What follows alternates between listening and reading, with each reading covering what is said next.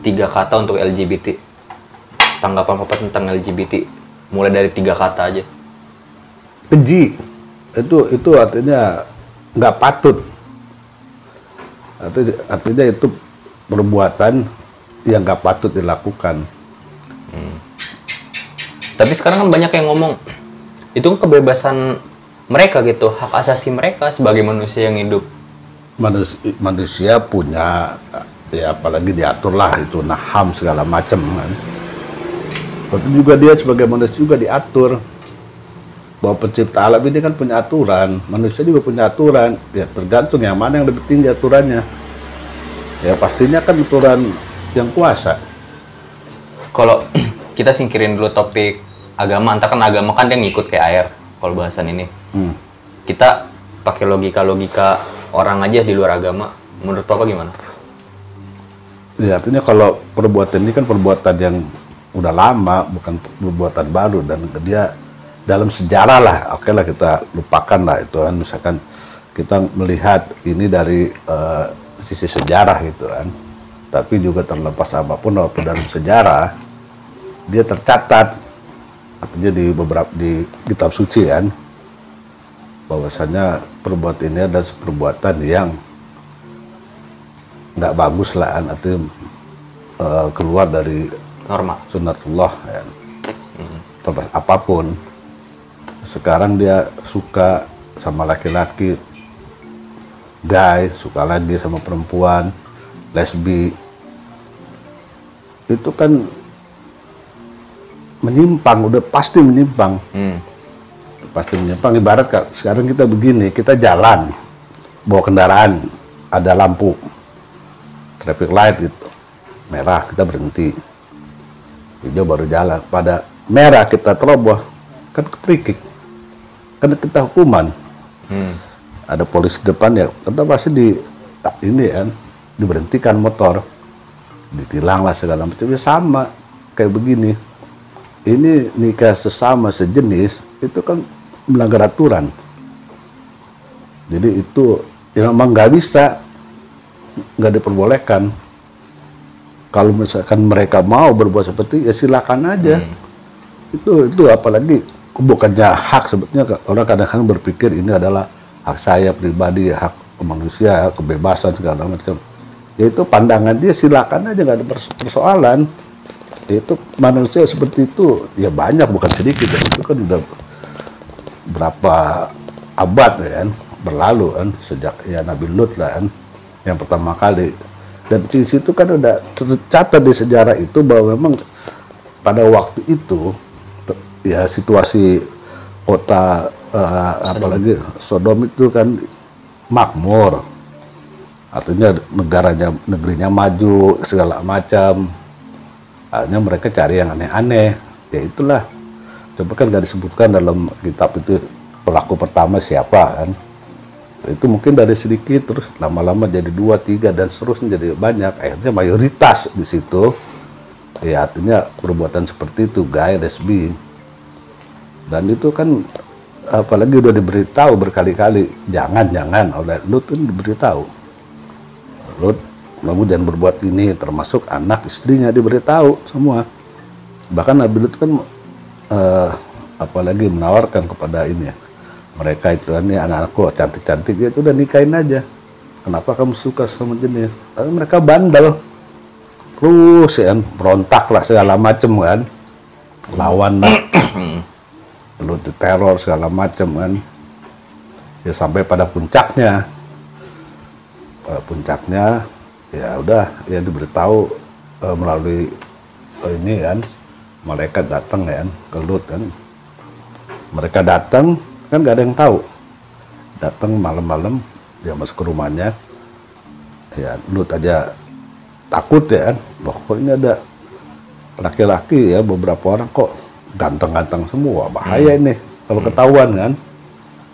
Ya Nabi Lut kan kasih tahu kamu jangan takut. Ya kami menyerupai manusia kami adalah malaikat kan begitu. Ya itu udah ba- banyak lah dibahas di kitab suci kan Udah masuk kan. Nggak ada yang tahu mereka datang kecuali keluarganya Nabi Lut yang tahu istri anak. Kan begitu. Nah dari antara ini Lut juga nggak tahu ya. Rupanya si istri ini kan melapor menyampaikan dia keluar ya kan. Ke kepada kaumnya di situlah kaumnya Lut ya bahwa di rumah gue ini ada laki-laki ganteng ya nah, udahlah beringas lah mereka didatangin dikedor rumahnya segala macem kan dia masuk di situ udah diperingatkan ini tamuku udah segala macem kan. Ya, tapi karena nafsu udah di otak di kepala udah nggak bisa dikendalikan lagi. Hmm. ya udahlah dia terobos aja kan. Nah, tapi kan mereka sempat lah kan. Uh, Lut ya namanya yang datang malaikat ya kan. Berarti udah utusan Tuhan ya dia keluar ya. Nggak ada masalah kan. Istrinya juga ikut keluar kan. Istri anaknya ikut pergi. Ikut pergi artinya memang udah diperintahkan bahwa mereka ini akan dijungkir balik negeri ini kan begitu. Jungkir balik ya terjadilah peristiwa itu kan. Jungkir balik hancur negeri itu kan.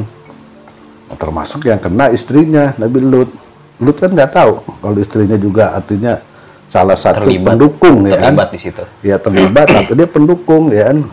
Ini resmi segala macam dia terlibat di situ ya udah artinya tanpa ampun ya udah selesai dia kan. Barulah negeri itu pelan pelan nah, itu itu dari situ. Awalnya jadi kita nggak bisa lepas ya kan bahwa sejarah ini ada kaitannya sama sejarah masa lalu. Hmm. bahwa sekarang ini kalau dalam agama kita kan 25 nabi terakhir gitu kan. Artinya Lut ini kan nabi ketiga. Setelah kemari artinya kan 25 kurang 3 22 itu kan nggak terlepas dari LGBT ini. Hmm. setiap para ini kan ada. Ada kaumnya ada, gitu ya. ada memang. Artinya bukan kaum tapi mereka kan minoritas. Dalam eh, apa komunitas-komunitas tertentu ada. Hmm. pasti ada. Kalau nggak ada kok tiba-tiba dia muncul sekarang itu nggak mungkin. Hmm. ini berkelanjutan terus ya kan? Bukan barang baru kayak beginian. Sampai terakhir ya artinya di zaman Nabi Muhammad kan Nabi sendiri kan udah jelas-jelas melarang kan. Dia melarang berarti kan pada zaman itu itu ada perbuatan seperti itu LGBT jadi nah kalau Nabi kan keras sekali kan bila perlu ini bunuh. Pelaku yang pelakunya kedua-duanya bunuh aja. Hmm. sampai ini perbuatan yang betul-betul merusak. Ya kan kalau itu artinya eh, dibiarkan kan penduduk bumi kan sedikit. Gimana generasi turunnya kan? Laki sama laki nggak pasti bisa melahirkan perempuan sama perempuan nggak bisa melahirkan gimana? Nah itu kan sementara hidup ini kan harus dijaga. Satu kelangsungan hidup ini kan Tuhan yang eh, yang menjaga yang pemiliknya. Jadi kita jangan melanggar itu. Orang boleh-boleh aja bilang wah ini ham hak asasi manusia. Eh, silakan anda. Tapi ingat LGBT itu ada LGBT itu adalah nafsu. Hmm. udah pasti itu nafsu. Ya. dia dia dia nggak bisa mengendalikan dirinya. Maka jadi seperti itu. Sekarang kan banyak dikenal LGBT pejuang ya kan? Pejuang gay pejuang lesbi macam-macam. Aktivis jatuhnya ya. Aktivis. aktivis iya aktivis ham pembela LGBT jelas ada. Ya terus mau diapain ya? Di kita nggak ada istilah hukuman yang jelas ya kalau ini seperti ini apa sanksinya kan nggak nggak ada di Indonesia itu yang ada berdasarkan syariat syariat Islam itu di Aceh Hukum cambuk ya. artinya dia di situ ada ya kan kalau orang seperti ini adalah dicambuk atau diapain itu ada yang lain kan nggak ada Iya betul. Tapi kalau kayak begitu klien orientasi dari kecil apa efek trauma? Kan dia ada dua penyebab nih. Dia nggak mungkin sekonyong-konyong dia dari lahir ya kan keluar-keluar langsung tiba-tiba dia gay atau nggak lesbi nggak mungkin. pada umumnya kan mereka eh, apa lagi namanya peranggapan ini bawaan kebanyakan kan bawaan ya, berdasarkan itu kan Hmm. kemudian yang kedua korban kan begitu Hmm. bawaan dan korban yaitu oke lah bawaan ya kan bawaan dari mana apa dari bawaan dari orang tuanya atau bawaan dari apa dia pergaulan dia atau bawaan apa itu kan dia nggak nggak bisa menjelaskan kalau bawaan bawaan apa gennya nggak ada gen begitu ngatur-ngatur Tapi ada loh persilangan yang kebanyakan kromosom di misal di cowok nih kromosomnya lebih banyak kromosom cewek. lebih banyak heterogennya daripada testosteronnya. Ada loh yang kayak begitu. Iya ada, cuma kan itu kecil. Kalau dihitung persentase itu berapa? 0,0 sekian persen ada. Jangan manusia persilangan. Enggak banyak, cuman dia jadinya flamboyan. Dia Iya. lagi flamboyan Iya, tapi banyak, tapi kalau dihitung persentase dari penduduk eh, dunia itu kecil. Tapi itu juga tetap ya, beri dia nasihat bahwa sekarang ya orang sekarang fisiknya apalagi eh, kelaminnya laki-laki ya mungkin itu kan pelamboyan artinya terus dia eh, mau jadi seperti perempuan begitu kan Eh, dia punya apalagi eh, apalagi pergerakannya atau segala macam kan. Gesturnya. seperti, iya gestur segala macem kan. Bisa dia kayak perempuan. Ya itu mau diapain? Ya itu udah oke kan. Tapi yang penting kan di sini lu jangan berhubungan badan. Hmm. kan itu kan. Ya kalau kayak dia ber- bertingkah laku ya laki-laki ke perempuan belum kayak laki-laki walaupun itu juga sebenarnya eh, apalagi nggak boleh ya tapi kan dia belum melakukan perbuatan itu hubungan seksual tadi jadi itu ya kita nggak bisa jatuhkan hukuman tapi kalau yang udah pelaku bagaimana coba kita menghukumnya undang-undang kita nggak jelas kan Hmm. Nah, yang le- lebih repot, misalkan sekarang orang masuk hotel, sepasang laki-laki, itu nggak akan ditanya. Nggak curiga Ya. juga. Misalnya hotel-hotel yang syariah, misalnya yang di Bandung, laki-laki sama laki-laki, pada dia gay gitu, dia nggak ditanya mana KTP ini, pas apalagi suami istri. Kan nggak, dia masuk aja, Hmm. dia bebas berbuat. Perempuan juga sama, perempuan sama perempuan, masuk lagi hotel di syariah, dia pada dia lesbi, aman, nggak akan digerebek, walaupun nanti ada apa ya, tapi kalau misalnya lebih dari empat orang, lebih dari dua orang, segala macam ya, kemudian berhari-hari, ya itu mungkin dicurigai. Tapi kalau dia cuma nginep semalam, dua malam, aman. Tapi kalau misalnya di hotel syariah kita masuk, ya pasangan laki sama perempuan pasti ditanya, Anda suami istri atau bukan? Pasti ditanya. Kalau dia bukan eh, suami istri dipisah, ya kan? Kalau suami istri silakan. Dan itu kan biasanya diminta eh, apa KTP-nya sama nggak alamatnya, Hmm. kan begitu. Terus dilihat statusnya. Kalau memang sama ya udah, nggak masalah. Apalagi dia bawa anak gitu kan, nggak soal. Iya, iya. Tapi gimana ya? Kayak orang-orang nih kan, apalagi milenial milenial sekarang kan, dia ngomong gay itu termasuk ini loh, orientasi seksual yang normal loh sekarang, gay, lesbian loh. Itu gimana tuh? Ya dia sih boleh-boleh aja kan kita nggak bisa ngerubah pendapat dia. Dia bilang normal dia silakan aja dia normal. Ya artinya kalau dia baca baik-baik kan tentang sejarah itu dia akan berpikir bicara seperti itu. Kita milenial sih boleh milenial. Ya tapi artinya dalam yang hal-hal yang udah ada ketentuan kemutlakan itu jangan disederhanakan apa pun alasannya. Pernah nggak ada kasus gitu eh, kayak papa punya temen gitu loh, punya temen gay gitu, tapi dia nggak kelihatan gitu loh, dia kelihatan lurus aja normal, tapi di belakang Ada. kita dia gay gitu. Pernah Ada. teman kayak gitu? Ada teman sekolah dulu ada. Ini zaman kuliah, SMA, SMP, SMA. SMA. Ada SMA. Boleh ceritain dikit gak? Ya artinya belajar bareng-bareng ya. Ada satu waktu teman digerayangin. Wah, serius? Iya, langsung dipukul sama dia. Dia kaget kan. Nggak nyangka, iya memang wajahnya ganteng laki-laki itu kan. Dipukul sama kawan itu. Gua nggak nyangka lu begini kelakuan lu kan. Habis itu udah, ya namanya anak-anak ini kan dari mulut ke mulut. Dan sekarang artinya begitu kita ada bentuk alumni kan, dia ngilang, nggak tahu anak itu di mana, Nggak pernah gabung? nggak pernah sekalipun. Oh, tapi selama di SMA itu dia tetap nunjukin kalau Ya, dia ini normal. ini. Enggak, enggak kelihatan. Coba keli- kalau kita tegesin, ya kelihatan. Oh, kelihatan. Iya, cuma artinya dia eh, apalagi kalau biasa-biasa nggak kelihatan. Hmm. Ya mukanya cantik lah kan, Hmm. tapi dia body ya laki-laki seperti itu. Gestur cowok. Cowok asli cowok. Kan kan ada juga nih kan gay kan ada dua, ada yang cewek ada yang cowok kan. Rata-rata Iya. kalau yang ceweknya itu kan dia ke kemayu lah, kemayu ya kan. Dia kemayu, mungkin Berarti dia, dia mungkin, dia perem- mungkin. mungkin dia perempuan kali kan, Oh, mungkin. iya iya iya. Berarti itu tahun berapa tuh? Itu tahun 70 sekitar tahun 78 lah itu. Masih belum terlalu dipublis kan kayak sekarang. Kalau sekarang kan orang terang-terangan aja gitu transparan aja gitu loh. Kalau dulu dia nggak nggak ini kan nggak nggak transparan kayak Dia sekarang. ma- masih ada malu. Kalau sekarang ya malu-maluin. Malu-maluin aja bagi dia nggak ada soal.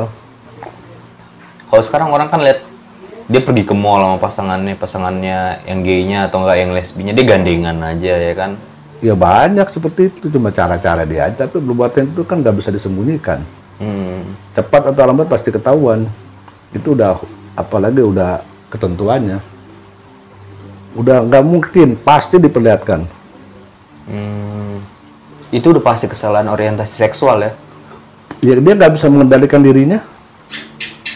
Dia melepas ya kan sahwatnya kan udah ya terus. Tapi termasuk fetish nggak?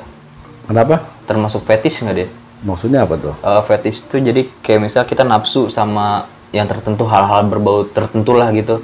Kayak misal ada orang yang lebih nafsu ke paha gitu loh. Ada yang nafsu ke ketek. Itu fetish ya, gitu itu loh. kan daya imajinasi dia. Ya orang kan berbeda-beda. Berarti itu nggak termasuk fetish? Ya kalau mungkin ada orang yang senang paha ada yang senang tangan ada yang senang pala ada yang kayak senang misalnya apa. cowok ke cowok gitu suka itu nggak fetish itu. Berarti Hmm. cuma orientasi seksual aja udah ya intinya seksual.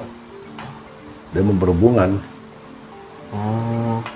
Yang kayak begitu tuh emang udah dari tahun 70-an itu udah ada ya? Ya sebelum 70-an juga udah banyak. Udah banyak udah juga. ada. Bahkan ada satu kisah tahun sekitar tahun 50-an kan. Orang terkenal ya kan. Ya mungkin kalau sekarang dianggap ya mau balik gitu kan. Seperti itu juga tapi kan kita nggak boleh sebut namanya kan? Hmm. seperti itu dia dipukul juga sama siswanya. Ya setelah ya artinya dilecehkan itu ininya kan muridnya kan. Itu ya artinya ketahuan sama orang tuanya. Dan orang tuanya dilapor ya kan. Dihajar itu sama orang tuanya. Ah, itu ada bukannya hal baru. Hmm. Di zaman Nabi juga udah ada itu. Ya pasti ada. Kalau nggak ada, nggak nggak mungkin Di luar keluar Nabi, hadis. Jadi di zaman Nabi Muhammad ada keluar hadis kok. Gimana? Pasti ada. Hmm. Nggak mungkin ada. Nggak mungkin nggak ada. Cuman kan nggak pernah di jarang disebutkan siapa orangnya kan. Cuma perbuatannya itu ada. Bahwa itu di- dibilang perbuatan sangat keji. Ya, jangan lagi kita ragu, kita bimbang kalau itu udah nggak bisa perbuatan apalagi eh, liwat itu liwat itu gay kan si hak lesbi itu nggak bisa. Itu nggak nggak bisa nggak ada ampun ya kan. Belum keluar dari sunatullah kalau udah keluar dari itu udah. Kalau misalnya satu negeri banyak eh, peng- apalagi penduduknya seperti itu ya nggak nunggu aja waktu. Hmm. zaman Nabi Lut apa kurang gedenya orang-orang kaya orang-orang ya ganteng lah kan segala macam. Orang gagah di situ kan. Porak-poranda Hmm. Kalau yang kayak begitu-begitu lebih sering korban yang jadi berikutnya gitu predator berikutnya misalnya dia habis jadi dari korban nih. Dia Iya. jadi jadi predator berikutnya atau emang dari kecil aja gitu loh. Bawaan dari kecilnya yang buat dia gedenya itu jadi predator kayak begitu jadi kayak gay lesbian gitu loh bisa faktor dari kecil atau faktor dari korban itu dari dia mantan korban ya itulah sebetulnya salah satu faktor yang mendukung supaya jangan terjadi seperti itu adalah keluarga mulai dari keluarga orang tua tuh harus mengawasi anaknya Tapi a- ada loh satu kisah kan ya pembunuhan Versace apa? Jadi dia kan desainer terkenal di di Amerika tuh. Ah, lupa ada- di Amerika atau kalau Iya. Amerika Inggris saya Dani Versace. Amerika ya Dia dibunuh sama gay loh. Sama gay. Gay ini gay anak orang kaya. Anak orang kaya pendidikan tinggi. Cuman orientasi seksualnya dari kecil emang nggak normal. Jadi dia lebih suka lebih suka sama mainan cewek, lebih suka sama ya kehidupan cewek gitu. ya itulah orang tua peran orang tua kalau dia sering ketemu sama orang tua orang tuanya memberi nasihat ya insya Allah kan bisa dimini eh, diperkecil itu jangan dia punya penyimpangan itu itu kan penyimpangan Hmm. insya Allah itu ada jalannya kalau kita orang tua apalagi orang-orang mampu orang-orang kaya kayak begitu dia nggak peduli ya ah, jadilah itu anak Hmm. Tapi yang parahnya lagi ya, kayak misalnya orang paham agama ini, belum tentu loh, belum tentu orang yang paham agama tuh bisa lepas dari yang kayak begituan. Ya kita jangan jauh-jauh kayak sumbar, sumbar kan nge, ah, gimana ya, sumbar kan bisa dibilang serambi Madinah, ya kan? Iya. Serambi Madinah. Tapi dia nomor satu loh. Ya. Eh nomor dua, nomor dua di Indonesia. Pertama Jakarta kan. Hmm.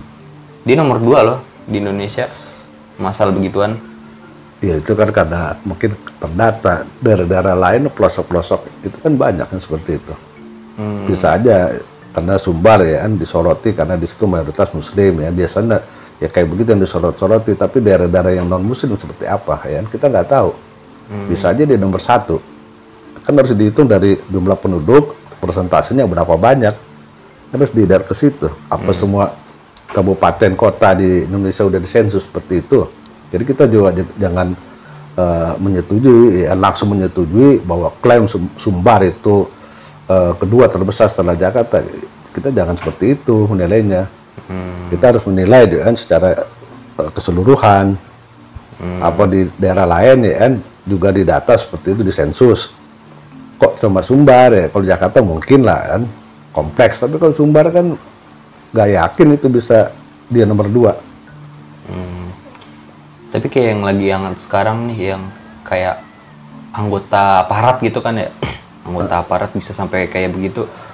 Emang udah bukan hal tabu apa gimana sih kalau di dunia-dunia kayak ya gitu? bukan bukan hal tabu lagi. Ja- jangan aparat. Kan raja gimana? Salah satu raja Roma.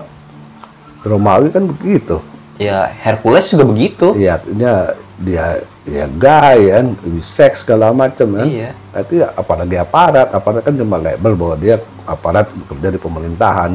Nah ini raja kan? Sa- kaisar gitu kan? Sama juga presiden. Apa bedanya? Dia melakukan perbuatan itu. Dia bukan barang baru kayak beginian Hmm, cuma baru anget lagi aja ya. ya baru aja. Karena kan mereka kan menuntut kan ke mana sekarang di banyak kan persatuan eh, lesbi persatuan gay ya, di seluruh Indonesia kan udah bentuk dia wadahnya kan ada Mengganggu nggak sih untuk masyarakat biasa kayak kita? Hmm? Menurut Papa mengganggu nggak sih?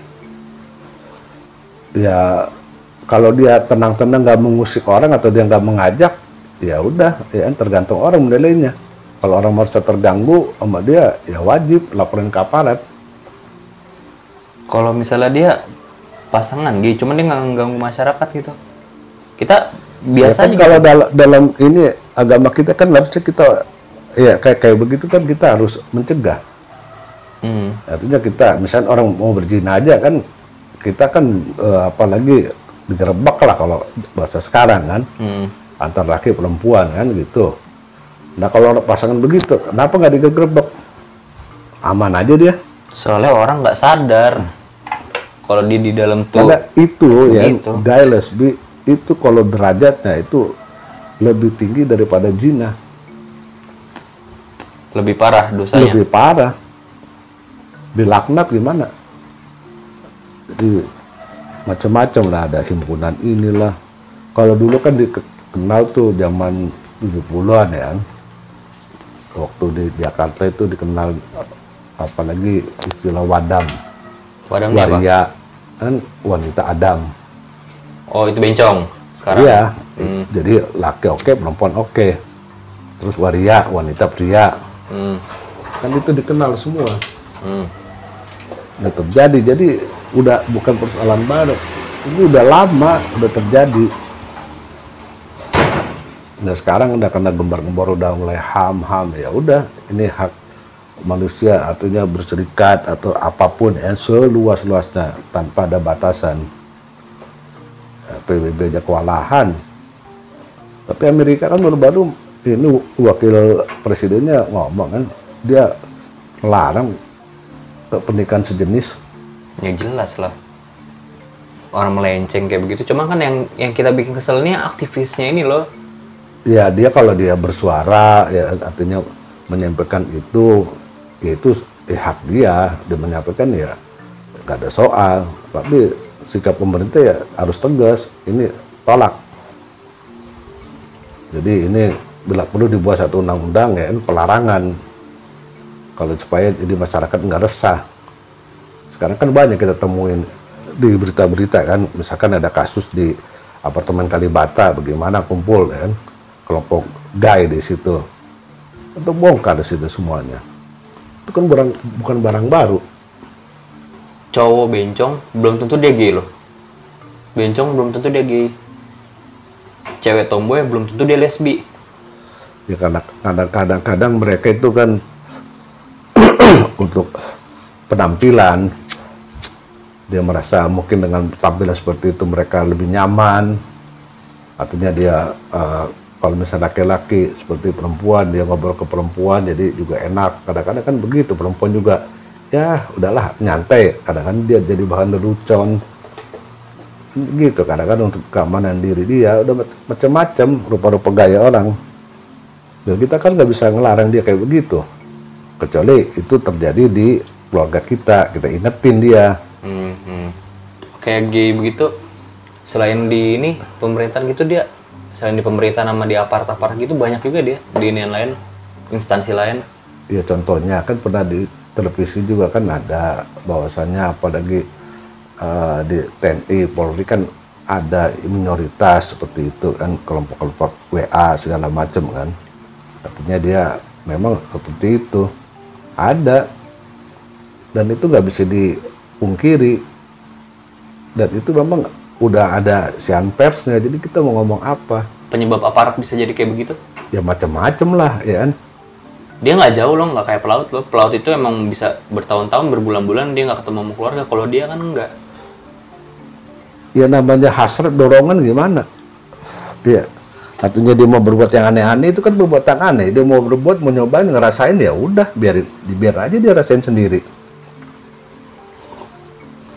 Cuma tapi kan, bukannya kalau di kesatuan gitu kalau ada yang melenceng sedikit orang pasti tahu gitu sekarang kan kalau udah seperti ketahuan ya langsung dipecat. Pemberhentian ini iya, langsung. secara nggak resmi. Iya langsung dipecat aja.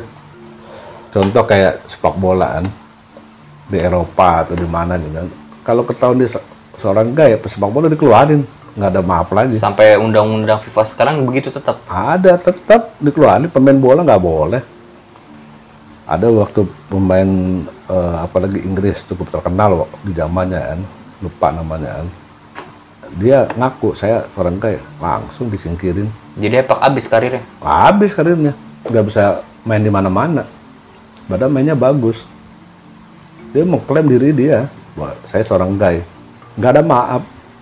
Cuman kayak begitu gimana kita ngeliatnya ya? Kayak Freddie Mercury juga. Freddie Mercury kan dia kan bisex kan jatuhnya Freddie Mercury. Dia nggak gay dia bisex dia. Iya dia kan pernah pacaran ya kan? Artinya hidup serumah tanpa nikah. Sama perempuan konon ya kabarnya dia punya satu anak dari situ. Tapi dia juga suka sama laki-laki ya kan? segala macam. Ya, itu semua ya dari lingkungan dia. Dia orang kaya kok. Iya dari lingkungan itu kan nggak mengenal kaya nggak mengenal miskin. Mungkin dari temennya atau dari mana ya kan? Udah macam-macam seperti itu. Ya, lingkungannya bagus, sekolah di ini kok dia. Sekolah yang ternama juga. Ya mungkin dia bosan sama perempuan. Kayaknya itu bukan bukan hal dari kecil, bukan maksudnya bukan dari kita Bu, kecil loh iya, jatuhnya. Iya, iya bukan, bukan sifat bawaan. Oh, bukan sifat bawaan. Tapi kan orang kadang-kadang ada yang berpikir yang pejuang-pejuang ini kan uh, seperti mereka itu menganggap ini sifat bawaan. Ada yang udah besar baru muncul. Banyak yang kayak begitu melawan kodrat dia berarti ya? Intinya melawan kodrat. Kalau mau tegasin lagi melawan sunatullah. Udah sunatullah mau jangan dilawan. Gomora sama Sodom beda nggak dia? Ya itu kan satu ya kalau kita lihat ke uh, kitab suci kan Sodom Gomora gitu kan. Itu kan seperti apalagi kaum gitu sama tempat gitu kan itu mungkin apa di satu masa segala macam gitu kan.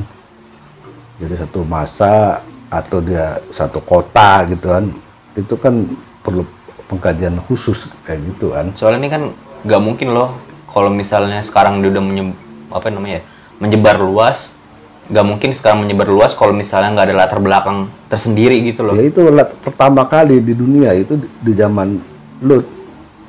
Sebelum Lut itu Adam itu itu nggak ada di Lut muncul pertama kali Di situlah muncul awalnya dari kesombongan, kesombongan eh, artinya para pria di situ kan perempuan eh, dia mereka bergem, eh, berlimbang harta segala macam kan di situ. Kaum yang ini kok kaum yang pinter dia kan? Kaum iya yang dia, pintar. dia pintar, harta berlimpah segala macam rupa-rupa lah dikasih kelebihan di situ. Tapi dia nggak bersyukur dengan seperti itu kan, malah dia melawan kodrat takdir, melawan kodrat, melawan ya ketentuan bahwa manusia itu hidup waktu harus berpasang-pasangan. Dia melawan dia kena kena ajab. Hmm. Tapi ada sangkut paut gak kaum Nabi Lut sama kaum Sodom kan banyak yang ngomong kayak kaum Sodom ini kaumnya Nabi Lut. Menurut Papa yang pernah sejarah, per dalam sejarah, sebenarnya ada nggak sangkut paut yang enggak? Ya ada lah, itu kan disebut kaum ya kan, terus disebut lagi satu tempat gitu kan, kan disebut di situ kan. Tapi kalau kita mau lihat ya artinya eh, Sodom Gomora itu anggaplah di situ apalagi namanya eh, pertanda ya kan bahwa di situlah dimulai ya kan perbuatan itu eh, apalagi LGBT. Kalau kayak Kasim gitu gimana tuh dia tuh? Kalau Kasim kan dipotong itunya kan. Dia kan sebenarnya laki-laki, emang laki-laki asli loh. Ya dia laki-laki asli, kan? Karena kenapa dipotong?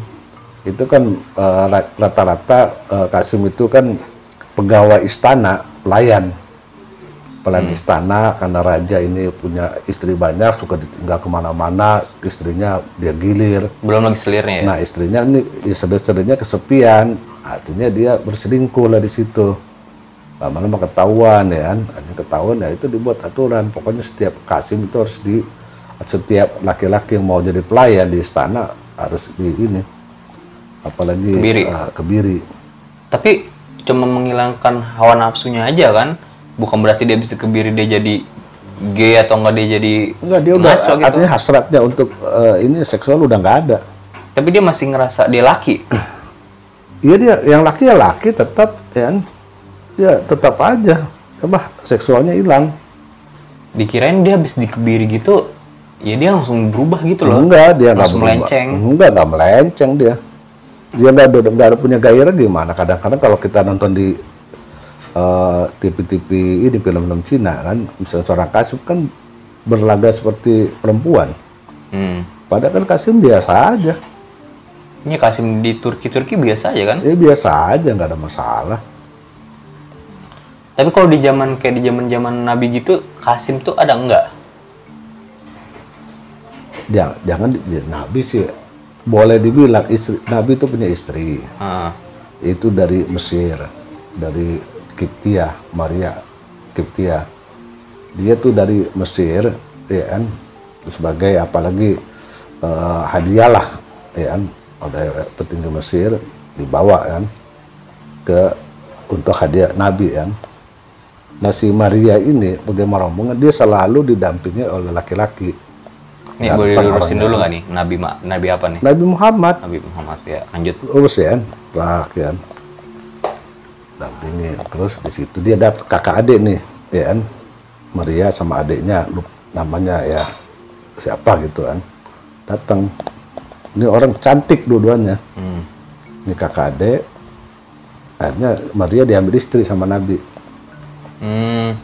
dijadikan istri istri sah Di peristri. sampai Aisyah Hafsah aja itu, cemburu Hmm. karena dia ini sangat cantik si Maria Hafsah juga cantik Aisyah cantik tapi ke- kenapa dia cemburu gitu kan Hmm. apalagi setelah Maria hamil ya tambahlah ya kecemburuannya hamil punya anak lagi kan Atau walaupun anaknya meninggal masih kecil gitu kan nah sebelumnya sebelum cerita ke situ ya kan ditanya Nabi sempat di loh ini si si Maria kenapa? katanya kan kok suatu tenda sama laki-laki ini? Ya kan terus ya kan masih muda ya, ganteng gitu kan terus ditak pertanyakan ya kan akhirnya buka suara lah si laki-laki ini kan Bahwa dia Kasim. saya adalah laki-laki yang dikebiri. Nabi udah tahu kalau dia dikebiri kan Cuma kan selama belum ada eh, apa lagi fitnah ya didiamin aja kan. Nah itu di zaman Nabi udah ada. Berarti- Bukannya lagi zaman Nabi kan, istrinya di, didampingin itu ya kan. Calon istrinya pada waktu dia belum nikah ya kan. Hmm. Berarti kita bisa lurusnya kalau gay sama lesbian ini bukan berasal dari Kasim ya? Oh bukan, nggak ada urusannya sama Kasim. Kasim kan pelayan, cuma kan kalau di film-film Hong Kong ya kan, Kasim selalu pasti jago kungfu ya kan, karena ngejagain dia perempuan-perempuan kan enggak. Ya sebagai pelayan ya, kalau jago kungfu ya mungkin ada lah kan. Hmm. Tapi kan dia mau bisa terbang kayak gimana, aduh. Berarti dia emang asli laki-laki, cuman hasrat seksualnya aja yang dihilangin. Ya ya? udah nggak ada, udah dipotong gimana? Ya kayak hewan aja. Kalau udah kebiri kan badannya gede, rata-rata kan. Gemuk-gemuk. gemuk rata-rata. Itu sama dia kasih apa juga. Dia mah kan nggak ada eh, apalagi masa dia mau masa kawin kan nggak ada dia. Kalau bi- hewan kalau dia masa eh, dia mau kawin dia, dia kan jadi buas biasanya begitu. Jadi galak ya kan? Hmm. binatang apa pun rata-rata begitu. Tapi ada kemungkinan nggak? Kayak misalnya dia flamboyan nih, cowok flamboyan. Ada kemungkinan nggak dia transisi sifatnya itu jadi ke gay? Enggak juga kan flamboyan kadang-kadang oh, sering disebut di aktor gitu bintang film kan. Kayak Marlon Brando gitu kan. Oh ini flamboyan laki-laki. Dia laki-laki beneran. Hmm. ya kan? Adapun kalau dia ada penyimpangan dia itu berbeda. Flamboyan itu kadang-kadang disuka memang sama perempuan. Tapi juga disuka laki-laki tapi dia kan tetap ya kan kalau dia bukan nggak pembawa apalagi bukan seorang eh, dia ya nggak ada masalah flamboyan kan keanggunan itu kan seolah-olah gitu kan. Benar nggak kalau gay itu lebih karismatik daripada orang lurus yang Nggak biasa? bohong itu nggak ada. Hoax saja itu berarti. nggak ada iya. Kan banyak klaim yang bilang kalau gay itu lebih karismatik daripada orang-orang yang biasa yang lurus. Ya, enggak lah. Dari mana karismatiknya? Orang penyimpangan kok ada karismatik nanti jangan berpikir oh Caesar Augustus gitu ya dulu ya kan. Hmm. juga seorang guy ya kan. Dianggap seolah-olah Brutus juga kan yang anak angkatnya sebagai ininya kan gula-gulanya kan. Kadang-kadang itu kan orang menafsirkan bisa-bisanya dia aja kan tanpa apalagi eh, penelitian yang dalam kan. Jadi susah kayak begitu. Kalau karismatik ya nggak mungkin lah karismatik. Kalau pimpinan yang menyimpang kok bisa bilang karismatik Kalau kayak gini lebih baik dibawa ke psikiatris apa ke mana nih? iya itu kan pasti ada penyakit itu kan penyakit itu Nah, itu kan kan penyakit. ya kalau penyakit itu udah pasti ada obatnya Berarti dia termasuk golongan mental illness, penyakit kejiwaan. ya kejiwaan penyakit kejiwaan jadi ya, apalagi dalam hal ini ya artinya kejiwaan bukan total keseluruhan dalam seksual dia punya penyakit penyakit seksual Hmm. Itu aja yang ini. Berarti tetap penyakit kayak begini harus dibawa ke psikiatris atau psikolog juga. ya pertama peran rumah tangga. Nomor satu kan. Itu makanya tadi di udah kasih tahu kan. Hmm. itu keluarga memberi nasihat. Ya kayak apa lagi namanya lu aja kan memberi nasihat ke anak-anaknya. Lu kamu jangan begini jangan begini kan anaknya nurut semua. Hmm. nggak ada di kisah cerita kan anaknya ya apalagi kena ajab kan nggak ada. Yang dikisahkan kan Istrinya. aja kan. Karena istrinya pro sana kan. Atau istrinya seorang lesbi kan kita nggak belum tahu kan. Coba kita bisa lihat kenapa istrinya dihukum juga. Artinya dia bagian dari situ. Bisa itu segala sesuatunya. Apa yang nggak bisa? Sekarang masalah seperti itu. Dan ini akan terus ya kan terus ke depan itu akan terus suara-suara seperti ini kan. Hak LGBT minta persamaan hak ya dalam undang-undang di- dibuatkan se apalagi namanya? Sebuah undang-undang khusus untuk undang-undang mereka. khusus untuk pasangan sejenis ya kan? Hmm. ya nggak mungkin lah. Kalau pemerintah udah mensahkan itu tanda-tanda negeri itu akan hancur. Tapi ada jalannya kayak gimana kita jangan mikirin ada kemungkinan nggak kalau Indonesia tuh bakal ngeluarin undang-undang yang ngasahin hubungan sejenis itu diperbolehkan? Ya itu tergantung ka- kapan ya kan. Kalau menurut eh, ini Indonesia kan negeri yang berketuhanan. Hmm. ketuhanan kan kalau dia tetap berpatokan kepada ketuhanan itu ini nggak mungkin mustahil ini ada Hmm. apa pun negeri, neg- eh, negara kita itu ada beberapa agama itu kan umumnya kan semua melarang Hmm. Tapi ada nggak agama yang nerima gitu kalau pasangan sejenis itu boleh? Nah itu jadi jadi persoalan bahwa di apalagi tahun 2019 lah itu paus itu dianggap seolah-olah merestui pasangan sejenis Hmm. dan itu kan sempat dicecar paus kan cecar bahwa benar nggak gitu kan eh, apalagi merestui pasangan sejenis si paus kan diam aja Hmm.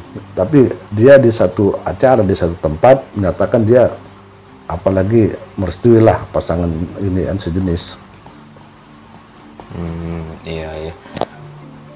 Tapi gimana ya kita ngeliatnya ya? Kayak misalnya di lingkungan kita nih ada nih yang kayak begitu ya kan? Ada gay atau nggak ada lesbian. Kalau untuk untuk kayak sendiri ya risih, ngeliatnya risih. Pertama gini loh, was-was juga ya misalnya dia gay nih ya kan kita lewat nih malam-malam mau ke warung nyari makan gitu. Ada dia di situ, kita was-was sendiri loh, ngerasa nggak nyaman gitu. ya itu umumnya seperti itu kalau ada pak kita tahu dia seorang guy apalagi dia bodinya ya kan keren pemain ini eh, apalagi namanya eh, senam gitu kan kita ngeliat dia aja kan buh kayak mau ditelan kita kan Hmm. kita kan merasa keamanan kita kan terganggu dengan orang ini. Kita juga merasa nggak enak orang kayak gini yang dilihat-liatin gitu kan. Dan orang-orang seperti ini kan agresif. Hmm. Tapi Kalau sahwatnya udah naik ke atas kan bahaya. nggak semua orang yang di tempat fitness tuh kayak begitu. Iya, ini enggak. Dia ini ada komunitas orang sendiri contoh emang. ya. Komunitas kayak banyak, di Banyak, Indonesia. banyak. Jakarta, Jogja, semua hampir ada. Mereka ada, apalagi sekarang ada teknologi. Dia dia main WA aja udah. Pakai kode-kode begini kan udah susah kita, apalagi kalau coba dua orang gitu kan. Tapi kalau apalagi di rombongan kayak di hotel 20 orang ya itu gampang ke- ketahuan. Hmm. Tapi kalau cuma dua orang dua orang aja kayak temen gimana? Eh kita kuda di sini, ya kan? Kita mau ke sono, kan susah ngelacaknya kayak gitu. Kalau gigolo itu ada kemungkinan dia gay juga gigolo kan ada gigolo laki, gigolo perempuan, ada gigolo kiri kanan oke. Oh, jadi ada tiga cabang dia. Ada iya. Bukan cuman gigolo toh untuk ini naik ke cewek-cewek aja iya gitu enggak? bukan dia sama om-om oke, ya kan, sama tante-tante oke, ya kan, sama siapa pun oke ada yang begitu. Oh. Bukan- dan itu bukan sedikit. Ra- Rata-rata kan pasiennya konsumennya kan orang berduit. Iya, iya emang.